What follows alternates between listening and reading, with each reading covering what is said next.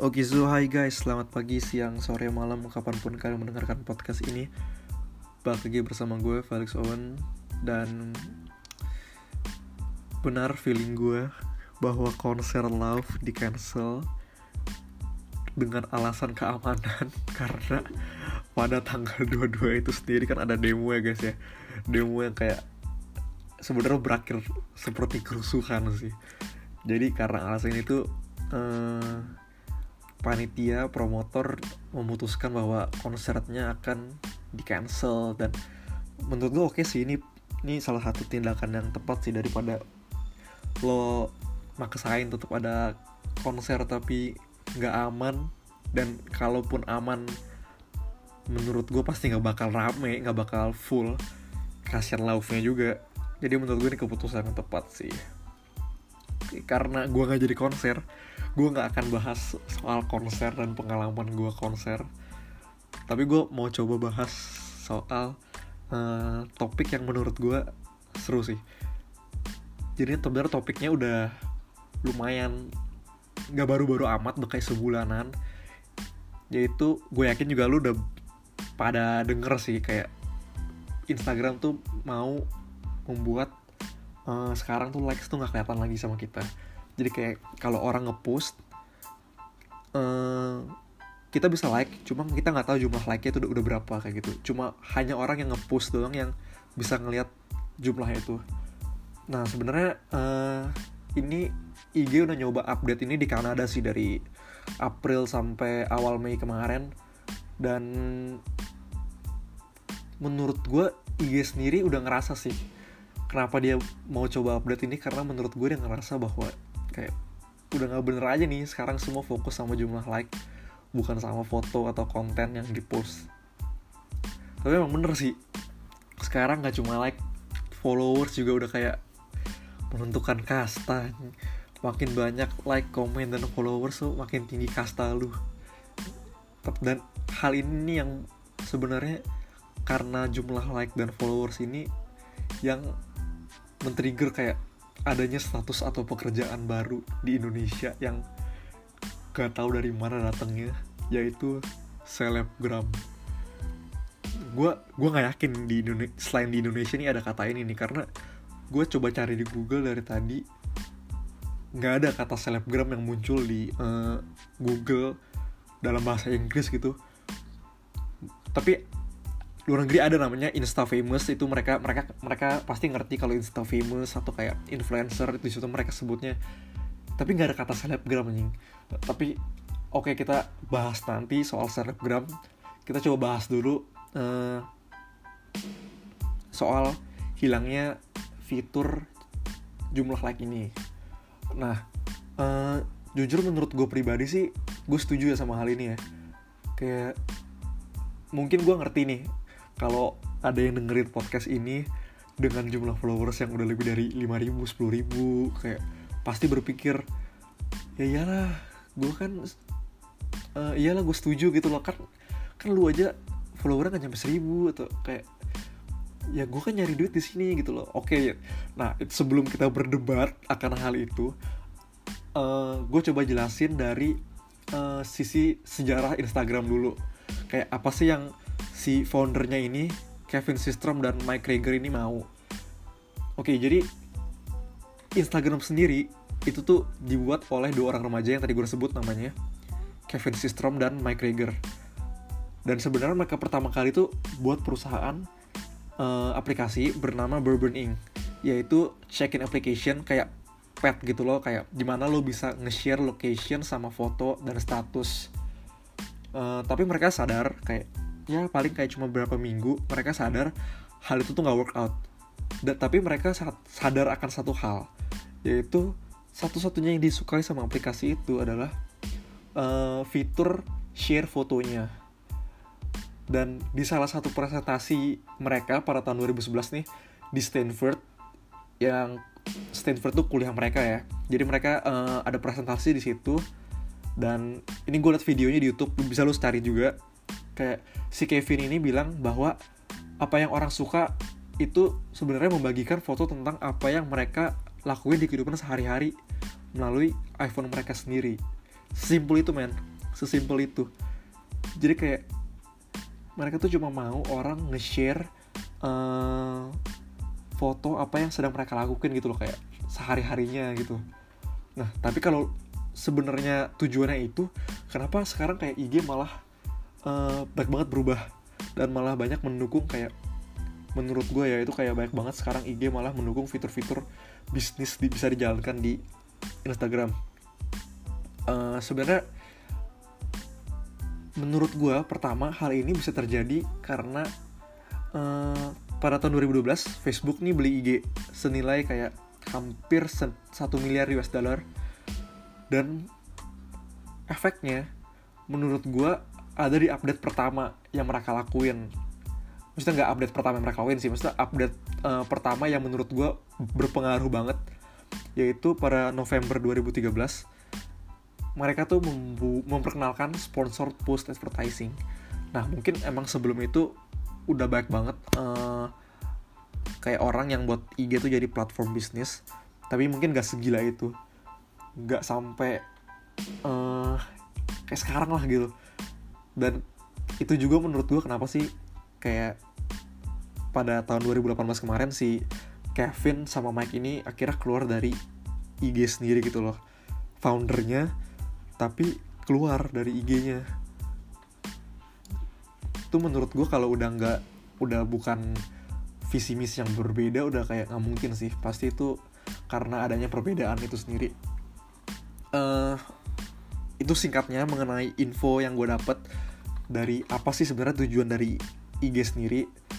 Uh, dan sekarang apa pengaruh dari like ini sampai IG ini berniat menyembunyikan angka tersebut lagi gitu loh? Pertama gue mau bahas dari sisi psikologinya. Gue tahu gue nggak jago dalam bidang psikologi dan gue bukan mahasiswa psikologi tapi ini sekali lagi ini info yang gue cari dan lo bisa cari juga artikelnya. Ini bener-bener ada dari medium.com Judul artikelnya yaitu The Psychology of Being Liked on Social Media. Nah, di situ mereka kasih tahu kayak apa sih sebenarnya yang uh, buat orang tuh tergila-gila sampai rela kayak ngelakuin hal-hal yang dibuat-buat gitu demi likes, demi follower.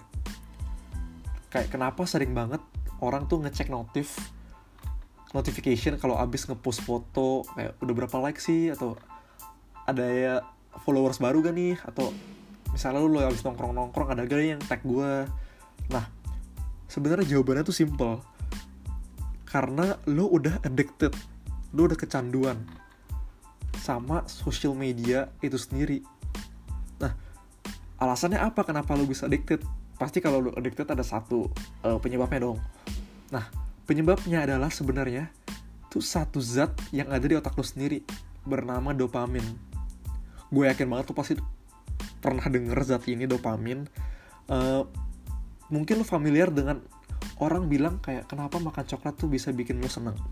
Nah ini adalah zat yang sama yang buat lo addicted sama social media. Karena lo seneng lo tuh lo tuh mengelak mengelakuin hal itu terus menerus berulang-ulang gitu loh.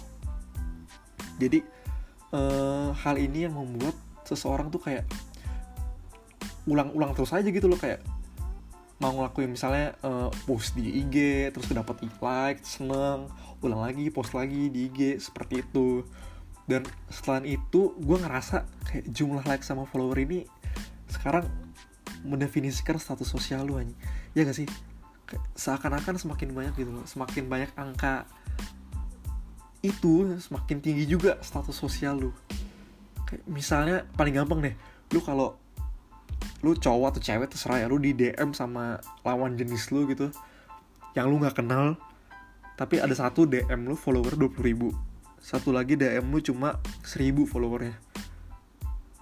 Pasti lu bakal prefer balas yang follower 20 ribu aja ya gak sih? Gue sih gitu ya kalau gue ya dan teman-teman gue gue yakin juga pasti dia akan balas yang 20 ribu. Gak munafik lah. Padahal belum tentu dia lebih baik.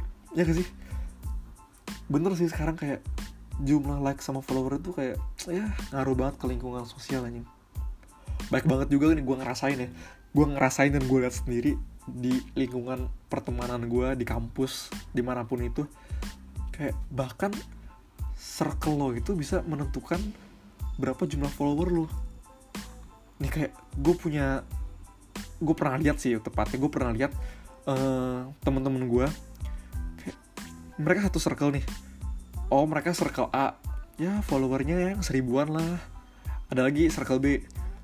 Oh ini circle B. Ya followernya dikit lah ini ini. Yang username-nya nggak jelas gitu. Ada juga satu circle yang wah ini selebgram semua nih. Bahkan circle lo itu tuh mendefinisikan follower lu men. Kayak udah kasta anjir. Udah udah udah, udah parah banget sih menurut gue makanya.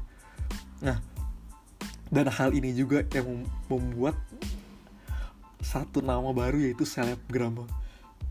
Sebenernya ini agak gue agak gue agak kesel sebenarnya sih sama kata-kata ini. Tapi gue beneran gak ngerti beneran gak ngerti nih. Kayak sampai dari titik apa lu bisa menyebut diri lu tuh selebgram? Kayak apakah pas lu bisa swipe up baru bisa lu dikatakan selebgram? Ini dan dan malesinnya nih ya. Semua selebgram tuh nggak semua punya bakat aja banyak yang terkenal di selebgram tuh oke okay lah karena bakat kayak nari nyanyi. Tapi emang lu jalan depan mall gitu depan madep kamera so imut itu bakat? Bukan anjing. Ini camkan ini camkan. Kalau lu emang terkenal kayak karena bakat nyanyi lu bagus gitu e, nari lu cover lu oke okay gitu dance-nya itu gue respect respect. Tapi anjing ada yang cuma jalan gitu di mall lihat lihat belakang ada kamera lagi rekam itu itu bukan bakat anjing. Itu nenek gue juga bisa sumpah. Ya itu sih keresahan gue di hari ini. Jadi nggak hari ini sih kayak selama ini. Ya jadi kayak basically dengan update ini kalau jadi ya dilakuin ke seluruh user Instagram menurut gue sih baik sih biar kita semua bisa baik kayak dari sisi mental pergaulan kita tuh bisa ngeliat lagi ke belakang. Ya sebenarnya semua nggak diukur dari sosial media gitu. Karena menurut gue segala bentuk konsumsi yang berlebihan itu nggak baik gitu loh. Konsumsi sosial media konsumsi media konsumsi apa pun gitu loh. Bahkan lo konsumsi makanan berlebihan itu nggak baik menurut gue dan menurut mak gue yang selalu bilang ke gue nah tapi dari sisi bisnis sendiri kayaknya sih nggak bakal ada efek yang signifikan menurut gue karena ya pasti Instagram sendiri pinter lah anjing punya algoritma sendiri yang IG besar besar lah anjing pasti dibalik setiap langkahnya ada perhitungan terlebih dahulu menurut gue. Yang penting ya sekarang gimana kita bisa memaksimalkan sosial media?